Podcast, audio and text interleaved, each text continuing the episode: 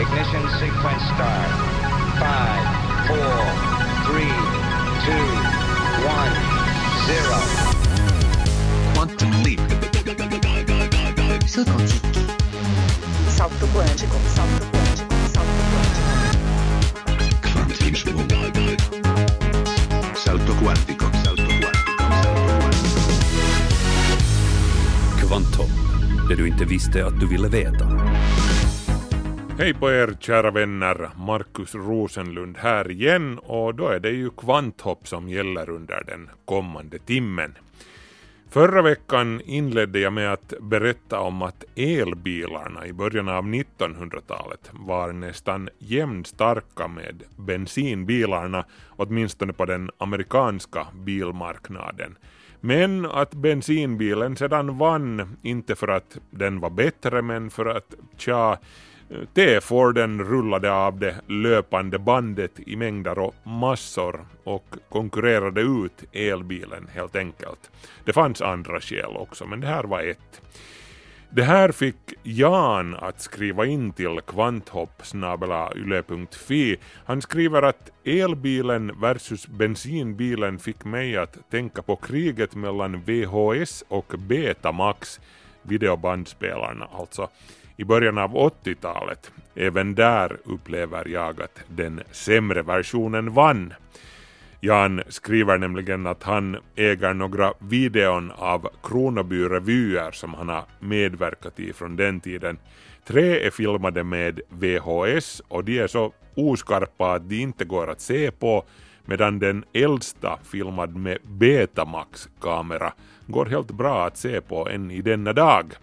Jo, det här videobandspelarnas krig, VHS mot Betamax, det brukar ju användas som ett exempel på då två olika teknologiska system tävlar mot varandra och det sämre vinner.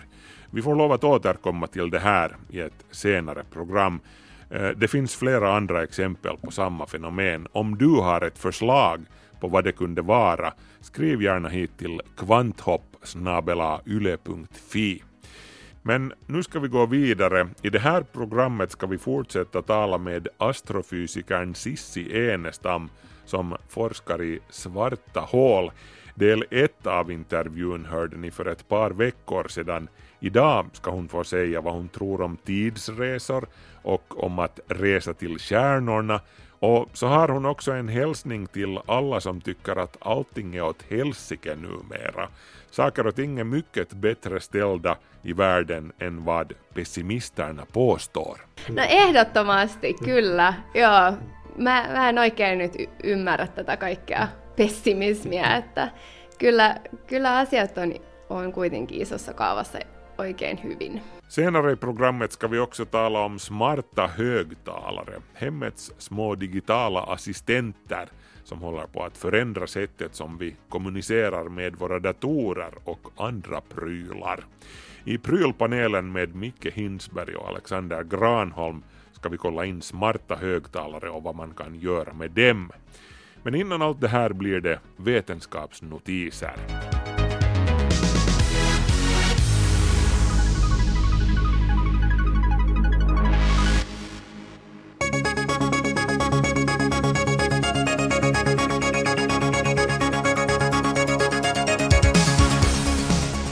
Professor Stephen Hawking, fysikern, kosmologen och författaren som avled i våras, levererade sin sista hälsning till mänskligheten tidigare i veckan då hans postumt utgivna bok Brief Answers to Big Questions, kortfattade svar på stora frågor, blev tillgänglig. Boken, som delvis har sammanställts av professorns dotter Lucy Hawking, tacklar som titeln säger de riktigt stora vetenskapliga och filosofiska frågorna, inte minst Guds existens, där Hawking har en synnerligen bestämd åsikt. Det finns ingen Gud. Ur vetenskapens synvinkel krävs det ingen skapare för att förklara universums tillblivelse, menar Hawking. I kvantvärlden uppstår det partiklar hela tiden ur tomma intet och de försvinner sedan spårlöst. Eftersom hela universum en gång var mindre än en elementarpartikel så kan det mycket väl ha uppstått från ingenting utan att bryta mot några naturlagar.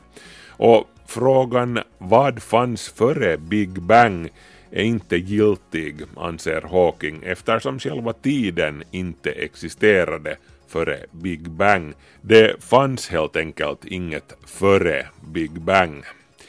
Förutom universums uppkomst tar Hawking också upp utomjordiskt liv i boken eh, liv vars existens han är övertygad om men vi ska vara försiktiga med att försöka ta kontakt med dem, menar Hawking, för det kan vara riskabelt. Hawking tror också att tidsresor en dag kan bli möjliga. Och så är han orolig för den nu rådande trenden med misstro och skepticism gentemot forskare och vetenskap. Men på lång sikt är han hur som helst optimist. Hans sista hälsning lyder följaktligen så här. Kom ihåg att titta upp mot stjärnorna och inte ned på era egna fötter. Då de första jordbrukarna kom till Europa för ungefär 9000 år sedan hade de sällskap av sin bästa vän, hunden. Ett europeiskt israeliskt forskarteam har hittat bevis för det här. Jordbruket anlände till Europa från Mellanöstern under neolitikum eller den yngre stenåldern och genom att studera DNA från lämningar av hundar från den här tiden har forskarna kunnat sluta sig till att de europeiska urbönderna hade hunden vid sin sida redan när de anlände till Europa. Här i Europa förökade de inflyttade hundarna sig sedan med de vilda hundarna som redan bodde här då. De inflyttande jordbrukarna hade också andra domesticerade djur med sig som får och getter. Odlingsväxter hade de också med sig i bagaget som vete och korn till exempel. Hunden och människan de har levt tillsammans i minst 15 000 år. Eventuellt domesticerades hunden redan för mer än 30 000 år sedan i Asien. Det här veckoslutet, om ni lyssnar på söndag, om allt går enligt planerna ska Europeiska rymdorganisationen ESAs och japanska JAXAs rymdsond Bepi Colombo avfyras från Kourou i franska Guyana. Rymdsonden med solsystemets innersta planet Merkurius som destination framställs av tähdet ett avarostidningen som den mest finländska planetsonden någonsin. Och så är det. Sonden innehåller en mängd teknik av finländskt ursprung. Inte mindre än åtta stycken av de elva vetenskapliga instrument som finns ombord bygger delvis på finländsk teknik Bland annat röntgenkameran som mäter röntgen och partikelbombardemanget som Merkurius utsätts för från solen. Den stora andelen finsk teknik gör det här till vårt lands största rymdprojekt någonsin, om vi säger så. Bepi Colombo kommer bland annat att studera mysteriet med Merkurius jäckande järn. Av allt att döma borde Merkurius till stora delar bestå av järn men ändå har man knappt lyckats observera något järn alls på planeten. Bepi Colombo väntas anlända till Merkurius i slutet av 2025. Sonden tar den långa vägen så att säga och gör flera passager förbi Venus och jorden för att använda planeternas gravitation som slunga, allt för att spara bränsle. Men väl framme vid Merkurius ska den enligt planerna studera planeten i två års tid.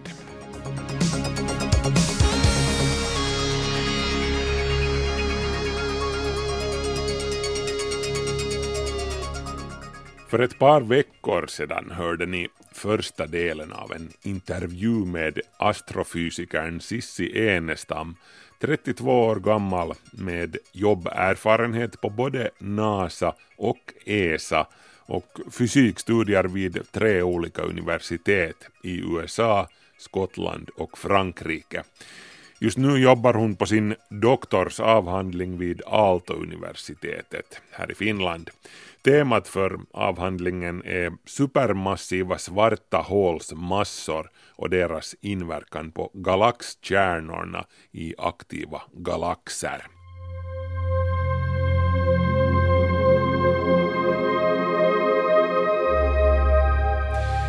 Innan vi går in på de här riktigt stora frågorna som att är tidsresor möjliga och kan man resa till stjärnorna i ett huj genom hyperrymden, vad det nu än är, så frågar jag Enestam, som namnet till trots alltså inte talar svenska, att eh, hur är det att studera fjärran galaxer i Finland? Vi har ju inte de där stora teleskopen, sådana som finns till exempel i Atacamaöknen i Chile.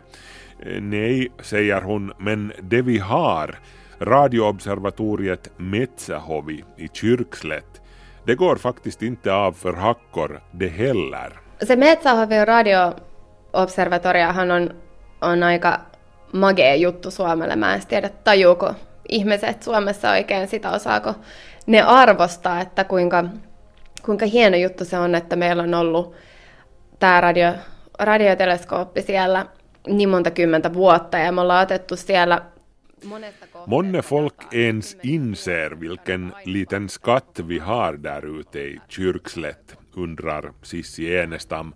Metsähovi-observatoriet, som togs i bruk på 1960-talet, har ett 13,7 meters radioteleskop som man har använt till att fånga in signaler från ett antal olika objekt som man har följt med regelbundet i flera årtionden.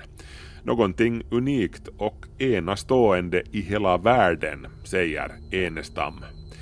Det var uttryckligen möjligheten att få jobba vid Metsähovi som fick henne att fatta beslutet att komma tillbaka till Finland efter många år utomlands och göra sin doktorsavhandling här. sekin, että pääsee käyttämään radioteleskooppiin, niin se ei ole kyllä mikään itsestäänselvyys, että sitä kun lapsena ajattelee, että mitä tähtitieteilijät tekee, niin kuvittelee, että ne katsoo jotain jollain isolla kaukoputkilla avaruuteen, mutta sitten kun alkoi opiskella alaa, niin ainakin mun koulussa tuolla Skotlannissa, niin musta tuntuu, että me pääasiassa vaan laskettiin matikkaa sivutolkulla. Överhuvudtaget så är det otroligt fint att få chansen att använda ett fullfjädrat radioteleskop, säger Enestam. Folk tycks tro att det här är någonting som man gör hela tiden då man är astronom, men det är ju ett faktum vilket hon blev varse om i ett tidigt skede under sina studier i Skottland, att man mest bara sitter vid datorn och gör matematiska kalkyler. Men här i Finland får hon alltså ratta ett riktigt radioteleskop, vilket är häftigt. Häftigt var det också att få chansen att inkludera NASA och ESA i sin CV. Vad gjorde hon då när hon jobbade där? No Nasalla mä tutkin, miten kvanttitietokoneet olisi hyötyä mikrogravitaatiosta, sanotaan näin. Ja.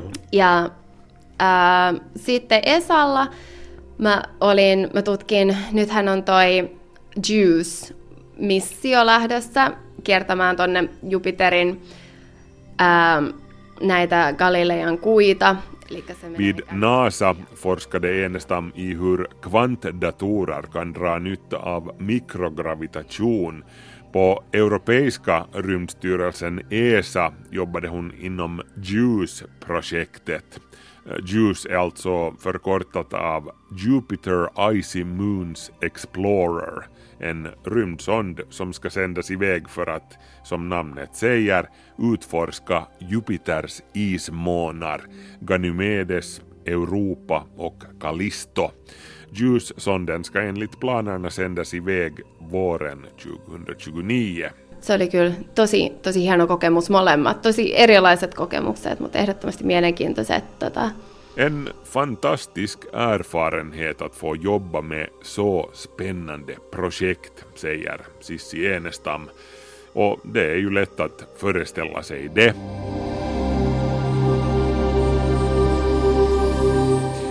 Men när hon nu en gång har fått in foten i dörrspringan på både NASA och ESA har hon då funderat på att bli astronaut? No totta kai musta olisi tosi siistiä joskus olla astronautti. Mulla on aika moni ihminen, joka on lähtenyt tälle alalle, niin ajattelee sitä. Ja kyllä mä nyt oon ajatellut, että sitten kun on semmoinen oikea aika, niin, niin kyllä sitä nyt varmaan täytyy käydä kokeilemassa, että hakee, mutta kyllähän se todennäköisyys päästä mukaan niin, niin pieni, että ei siihen nyt ehkä kannata niin tulevaisuuden suunnitelmia rakentaa, mutta Självklart skulle det ju vara otroligt coolt att en dag få pröva på astronautyrket, säger Enestam. Vem har inte tänkt på det som jobbar inom den här branschen? Så jo, hon tänker nog faktiskt ansöka, säger hon. Men realistiskt sett så är sannolikheten för att bli antagen så pass liten att det åtminstone inte lönar sig att bygga upp sina framtidsplaner kring det här. Det är nog forskning här på jorden som kommer att hålla henne upptagen också i framtiden, tror hon. Men hur är det överhuvudtaget med saker som rymdforskning? Tror Sissi Enestam att det finns en beställning för sådant i framtiden? Eller för vetenskap överlag? Världen över sprids det ju just nu ett kunskapsförakt i takt med att populisterna tar makten i land efter land. Hur orolig är hon för framtiden? kyllä mä oon kokenut, että jos, jos asioita miettii, siis totta kai on niin kuin paikallisia notkahduksia, niin kuin nyt vaikka tällä hetkellä voi olla tämmöisen populaaris, populaarismin lisääntyminen politiikassa ja tällaista, mutta kyllä niin kuin mun mielestä isossa kaavassa asiat menee koko aika huomattavasti parempaan suuntaan, että, että kyllähän niin kuin tasa-arvo on parantunut, ihmisten terveys on parantunut, ihmisten elinikä on, on parantunut kuitenkin. Klart att det förekommer bakslag, säger Enestam. Populismens framfart är ju ett beklagligt faktum, men på det stora hela går saker och ting nog mot det bättre, tycker hon. Se på världen nu jämfört med hur det var förr. Jämställdheten har blivit bättre, människorna lever längre, vi är också mer toleranta numera, trots allt. Och vad vetenskapen beträffar Yleisesti ottaen tiede nyt enemmän on koko aika niin kuin saanut kunnioitusta ja tietenkin satoja vuosia sitten vaikka uskonnolla oli niin vahva, vahva tota, sija, että, että tiedettä ei ehkä kaikkialla edes oikein voinut tutkia. Ja, så där som helhet så respekteras nog vetenskapen mer nu för tiden jämfört med hur det har varit, menar Sissi Enestam. Eh, speciellt om man går flera århundraden bakåt i tiden då astronomer kunde brännas på bål för att de ifrågasatte kyrkans syn på världsalltet. Klart att det finns saker som kunde vara bättre också i vår tid, men sist och slutligen kan man nog inte klaga, menar Sissi Enestam. Man har det trots allt ganska bra som forskare och ännu bättre lär det bli i framtiden, summerar alltså Enestam. Hon ser alltså på världen en aning med Hans Roslingska glasögon. Saker och ting är inte alls så illa som pessimisterna påstår. No, no ehdottomasti, kyllä. Joo. Mä, mä en oikein nyt y- ymmärrä tätä kaikkea pessimismiä, että kyllä, kyllä asiat on, on kuitenkin isossa kaavassa oikein hyvin. Jag förstår inte alls vad pessimisterna snackar om. I det stora perspektivet är saker och ting hur bra som helst, summerar Sissi Enestam. Jag snackar alltså med astrofysikern Sissi Enestam som forskar i supermassiva svarta hål i aktiva galaxkärnor. I sitt jobb studerar Enestam otroligt avlägsna objekt som kan befinna sig på hundratals miljoner ljusårs avstånd. Det här betyder att ljuset som vi ser från dem lämnade galaxerna för hundratals miljoner år sedan på dinosauriernas tid och ännu tidigare än så. Det är med andra ord urgammal information som Sissi Enestam tar del av med sitt teleskop. No se on totta, kyllähän me tähtitieteilijät ollaan kai jotenkin vähän semmoisia niin kuin avaruuden historioitsijoita tai arkeologia tai miten sen sanoisi, että sehän on todella old news. Mutta tota, um, mitä tuohon nyt voisi sanoa? Se on totta, mutta...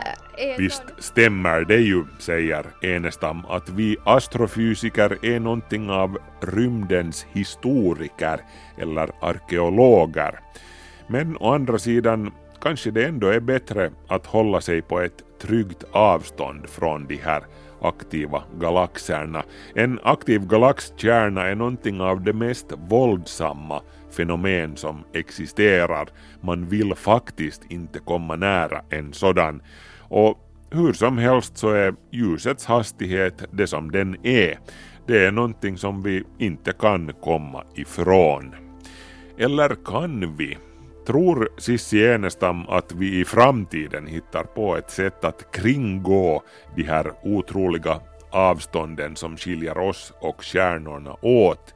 Det finns teoretiska planer på allsköns hyperrymdsmotorer, till exempel den så kallade Alcubierre-driften som är uppkallad efter den mexikanska teoretiska fysikern Miguel Alcubierre. Hans mm, högst spekulativa idé går ut på att ett rymdskepp kunde förses med en mekanism som går ut på att man knycklar ihop själva rumtiden framför rymdskeppet och tänjer ut den bakom farkosten. På det viset skapar man en bubbla av inom citat normal rumtid som rymdfarkosten befinner sig i samtidigt som hela bubblan färdas fortare än ljuset. Det här gör att den undviker att bryta mot fysikens lag som säger att ingenting kan färdas fortare än ljuset. Och då kunde man i teorin färdas till andra solsystem på betydligt kortare tider än de tusentals år som det i praktiken skulle ta med dagens rymdfarkoster. Hur är det? Är en teknik av den här sorten helt otänkbar i praktiken? No en tiedä. Mäkin joskus siitä Alcubierre White Driveista tai Alcubierre Driveista lueskelin vähän. Sehän on siis niin kuin, mitä hän sen sanoisi, se on vähän niin kuin kaikki, jotka on katsonut Skifiä ja on niin kuin, että warp speed, niin siis nykyisillä tekniikoilla tai mitä edes oikeastaan on, on edes tulevaisuuden unelmissa, niin eihän me nyt hirveän kauas päästä. Että sehän nyt on, on vaan fakta. Enestam har läst om Alcubierre-driften och i teorin så motsvarar den ju hyperrymdsdriften som de använder i science fiction-filmerna som Star Wars. Men det är trots allt bara science fiction och ingenting som vi kan vänta oss att förverkliga i praktiken inom en överskådlig framtid. Så klart är, säger Cissi Enestam, att någon sorts genombrott kommer det att kräva om vi någonsin ska kunna färdas utanför vårt eget solsystem.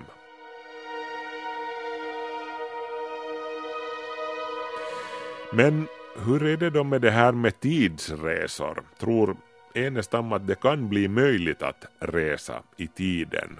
Mä oon viimeinen ihminen, joka haluaa murskata kenenkään skifiunelmia, joten mä hyvin, hyvin mielelläni sanon kaikkeen vähintäänkin ehkä, jos ei ole hyvin painavaa syytä sanoa ei. Eli no sanotaan, että tämä Madoreilla matkustus ei vaikuta hirveän todennäköiseltä, tai se vaikuttaa lähes, lähes mahdottomalta. Jag är den sista som vill krossa folks science fiction-drömmar om det inte finns tungt vägande skäl till det, säger Sissi Enestam.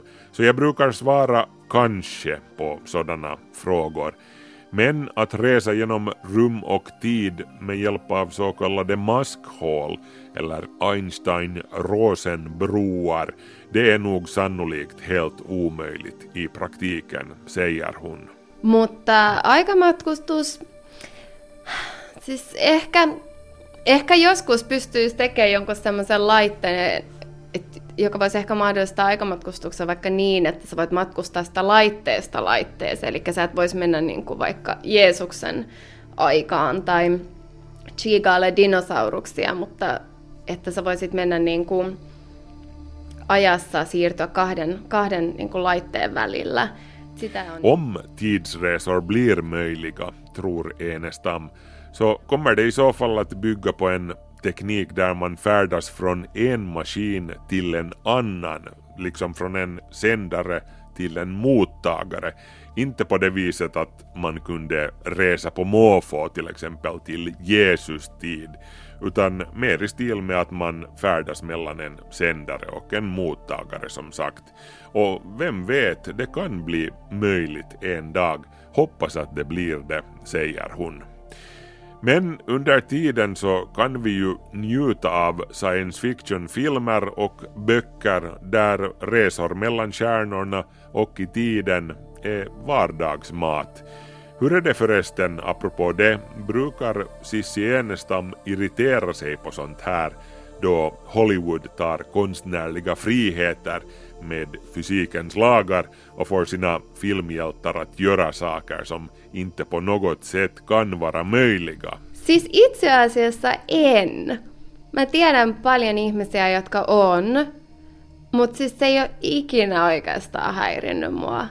Mä, siis mun mielestä niinku, mun mielestä varmaan parasta skifiä on niinku kunnon skifi, mm. koska sehän on niinku science fiction. I själva verket, säger Enestam, sånt här stör inte henne det minsta, även om hon känner folk som låter sig irriteras. Den bästa science fictionen är ju just sådan där man vågar ta ut svängarna. Det antyds ju redan i genrens namn, science fiction, vetenskapsfiktion. Vem bryr sig om man bryter mot fysikens lagar i Star Trek? So what? Inte är dramafilmer heller alltid så värst verklighetstrogna, säger Sissi Enestam. Ei, mun mielestä se on yksi semmoinen unelma siitä, mitä joskus voisi olla ja, ja siinä kaikki. Mm. Mun mielestä se on vaan viihdyttävää.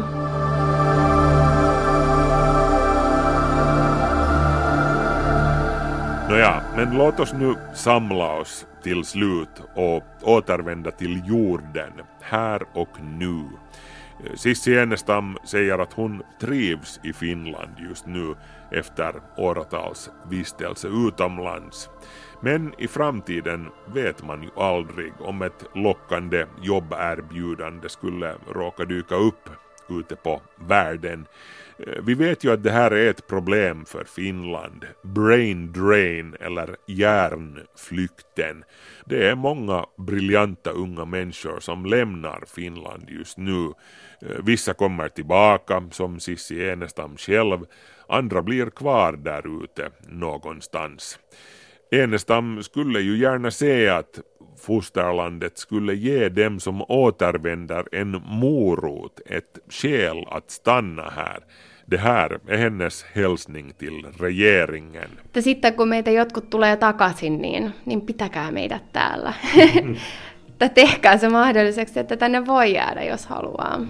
Gör det möjligt för oss att stanna kvar här, önskar Sissi Enestam. Till slut, rymden som Enestam studerar är full av faror, det vet vi ju. Det finns supernova-explosioner, solstormar och asteroider där ute som kan hota vår fortsatta existens. Är hon orolig för någonting av allt det här? En mä oikeastaan huolistani siitä. Mä oon ehkä eniten huolissani siitä, että me ei tutkita sitä tarpeeksi. Se on ehkä enemmän. Mua harmittaa se, että ihmisiä ei uskalleta lähettää Marsiin. Ihmisiä ei ole palannut kuuhun pitkää aikaa. Ehkä se, se on ainoa asia, mistä mä oon huolissani, että avaruus on vähän unohdettu. Nej, säger alltså Cissi Enestam. Jag är inte orolig för hoten från rymden. Snarare är jag orolig för att vi inte utforskar rymden tillräckligt. Det harmar mig att vi inte har mod att skicka människor till Mars. Vi har inte heller återvänt till månen efter alla dessa årtionden. Rymden har liksom glömts bort en aning och det oroar mig, säger Sissi Enestam. Och det är ju lätt att instämma i det. 50 år efter Apollo 11 skulle det kanske vara så dags igen nu att ta nästa stora kliv för mänskligheten.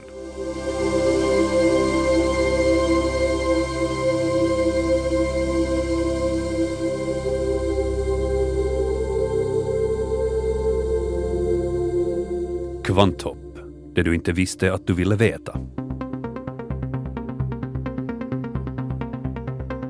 Så har det blivit dags för prylpanelen här i Kvanthopp. Den här gången ska det handla om grejen som alla prylnissar pratar om just nu, eller kanske snarare pratar med. Smarta högtalare.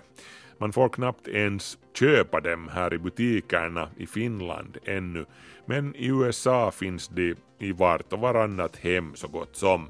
Svenska.yle.fis Alexander Granholm och Micke Hinsberg, de har naturligtvis smarta högtalare där hemma beställda via webben. Om vi då börjar med den allra mest grundläggande frågan, vad är en smart högtalare? Ja, man kan väl kort säga att det är en då, mobiltelefon utan mobiltelefonmöjligheter annat än det här att den, du kan prata med den och den då ger dig diverse svar på olika frågor. Och sen kan du ha den och, styra ditt hem till exempel, släcka lampor och sätta på sådana, om du har smarta eh, strömuttag i, i ditt hem så kan den styra dem också. Mm. Eh, Micke, vad använder du din smarta högtalare till där hemma? Nå, det är rätt så triviala grejer många gånger. Uh, ifall det är för mörkt för att se min termometer utanför fönstret så kan jag be den istället berätta hur kallt det är ute.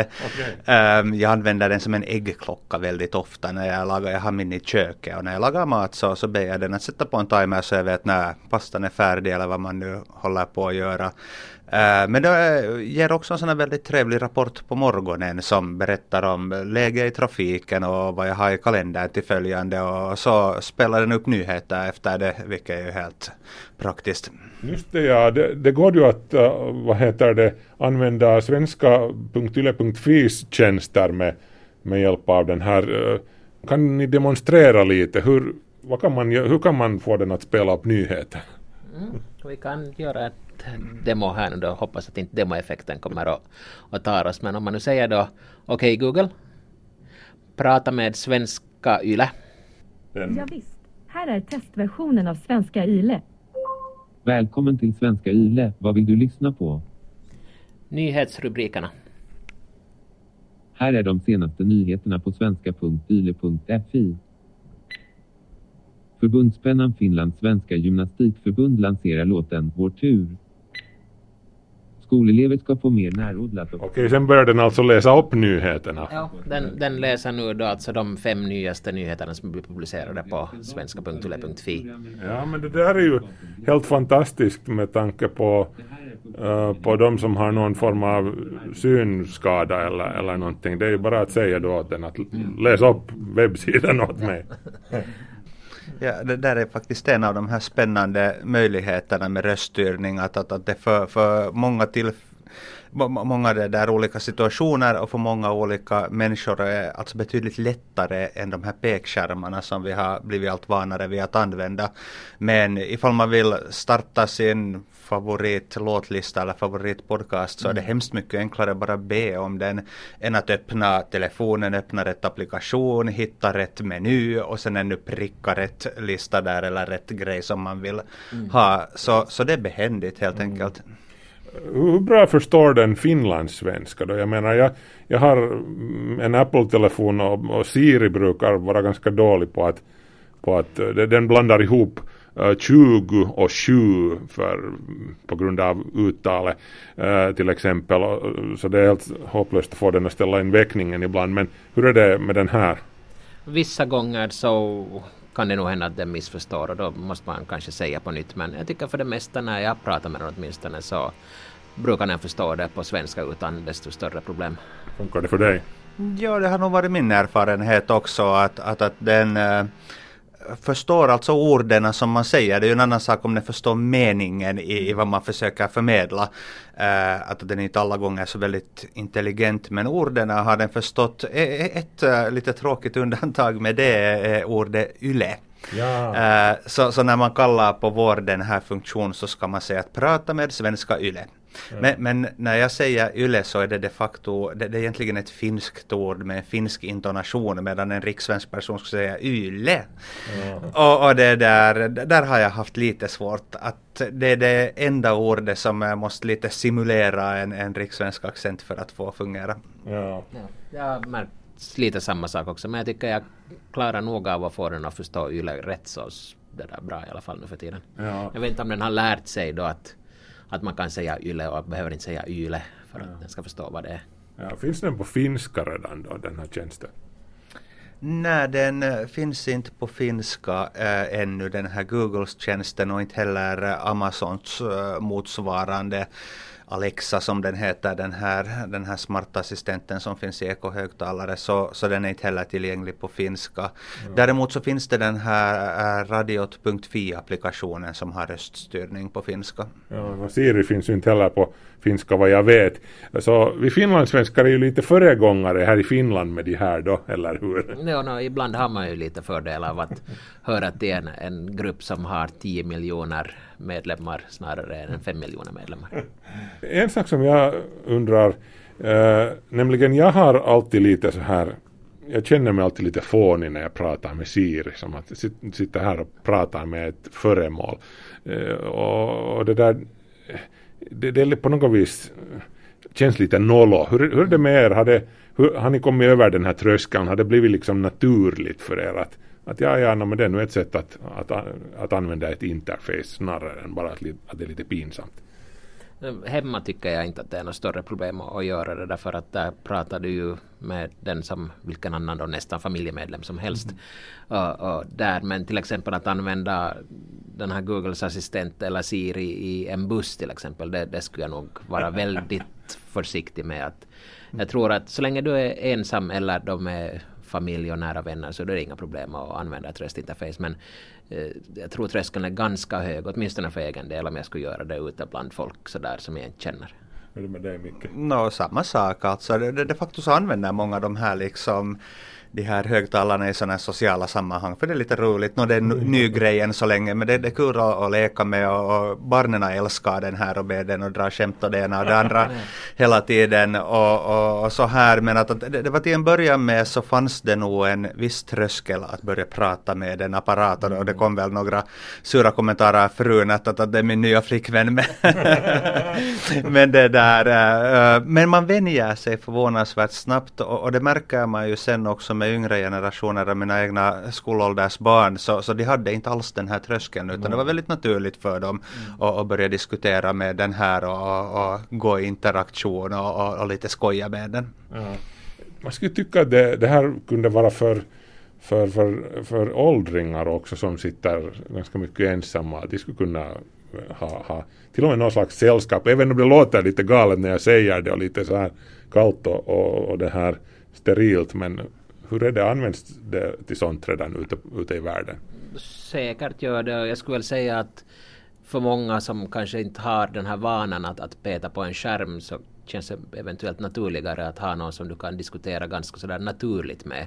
Att det är ju klart att det är ju inte en äkta människa och den förstår kanske inte alla nyanser i, i vad du försöker säga och sådär men, men på det stora hela så kanske det är lättare att, att kommunicera med en maskin via rösten för att det är den du oftast använder när du kommunicerar i alla fall Mm. oftare än att eh, använda en eh, tangentbord eller, eller en pekskärm. Ja.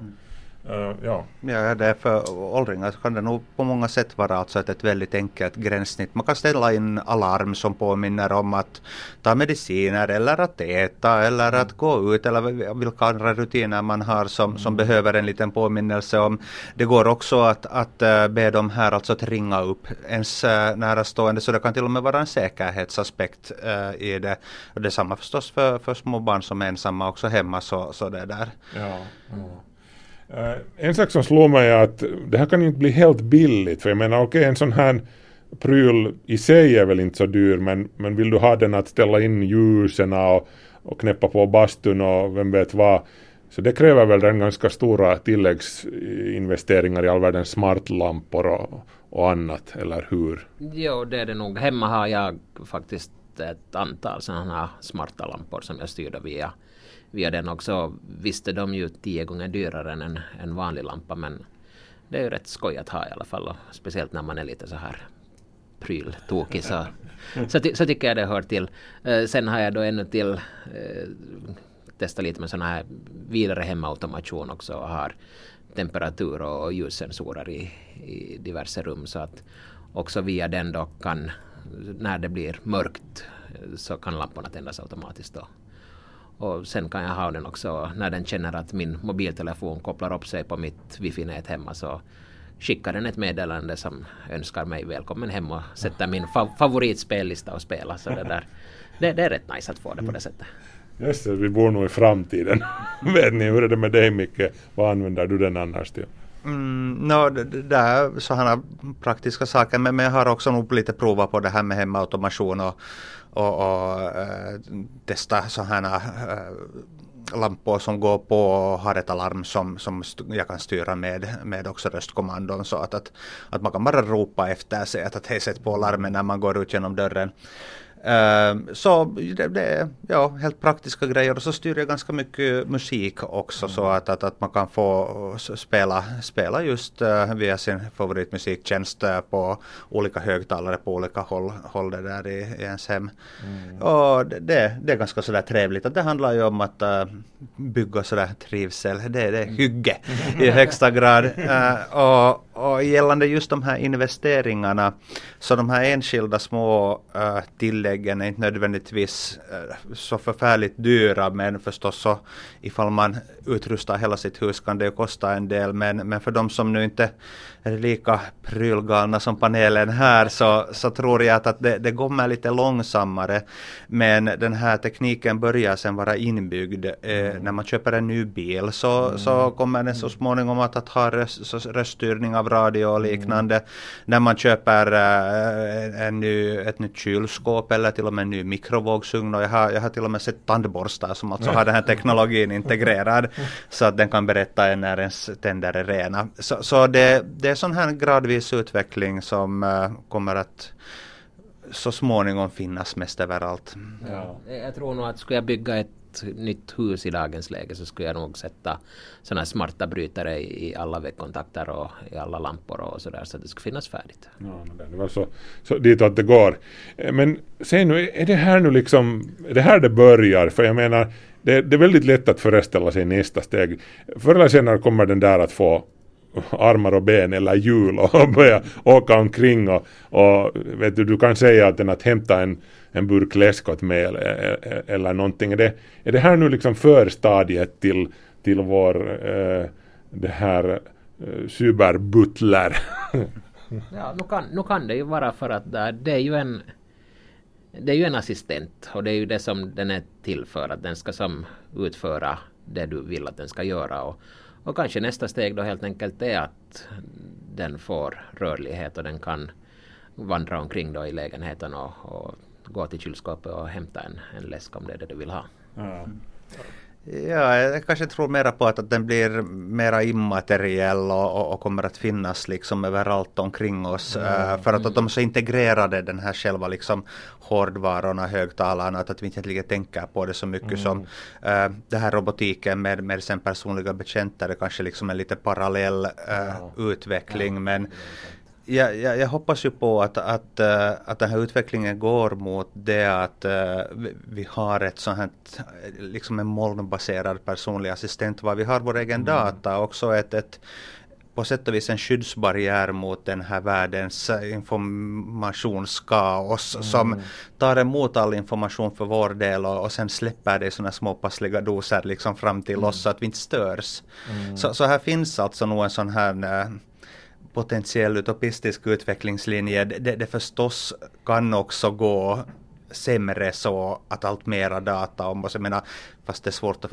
riktigt veta att vad mera data kan vi ge om oss själva som vi inte redan har här ute. Men, men det, där, det är en intressant balansgång där och, och intressant att se hur det Mm. utvecklas på det planet. Ja. Vi måste ju ändå här till slut eh, ta upp det här med att det finns ju de av oss som är lite mera paranoida av oss och sådär.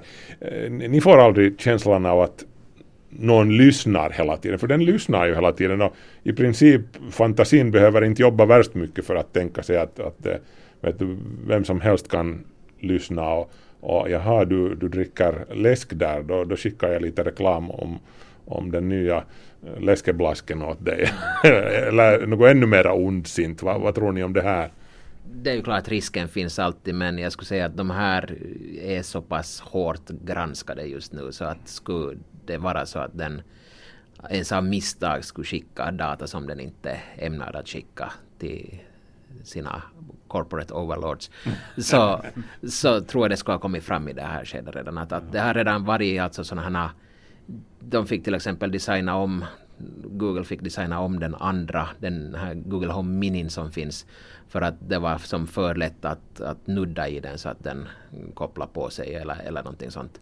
Och, och de ändrar på det direkt också för att det visar sig då för säkerhets skull helt enkelt. Och, och visst, den har ju mikrofonen öppen men det är först när du som säger det här då, okej Google, som den vaknar. Den och, vaknar. och, och då börjar den lyssna och skicka det här data. Och den visar ju det också så här att du, då när lamporna lyser så vet du att mikrofonen är öppen. Ja. Är du orolig Micke? Nå, det kändes kanske till en början med Ja, det kändes kanske till en början med aningen olustigt men, men som Alexander här säger så, så det är ju, den, den har egentligen inte en öppen mikrofon så tillvida att den öppnar den där förbindelsen först när den hör det här nyckelordet. Och andra mikrofoner har vi ju annars också i våra hem, i våra datorer, i våra mobiltelefoner och till och med i våra TVn i högre grad. Så, så det där, eh, det, det finns ju den här alltså risken för också att någon hackare eller liknande ska komma över de här förbindelserna finns redan inbyggt i så gott som alla apparater som har det här förledes smarta i våra hem. Um, så så det, det är förstås väldigt viktigt att man sök, sköter om säkerheten och har en viss tillit då på, på de tjänsteleverantörer man använder. Men i dagsläget så det har gjorts som Alexander säger noggranna undersökningar på de här och de har funnits uh, vara alltså så trygga som nu olika apparater kan vara. Okej hörni, tack ska ni ha för, för den här prylpanelen. Jag måste ännu avsluta här till slut med att testa en sak. Um, Okej Google. uh, spela Paranoid. Okej, Paranoid med Black Sabbath. Kommer här på Spotify.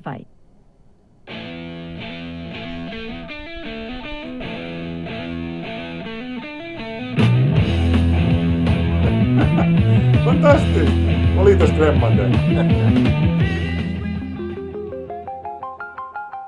Tack till Micke Hinsberg och Alexander Granholm från svenska.yle.fi för den här veckans prylpanel. Och tack till er för visat intresse. Kvanthopp är slut för den här gången. Markus Rosenlund heter jag. Vi hörs om en vecka. Hej så länge.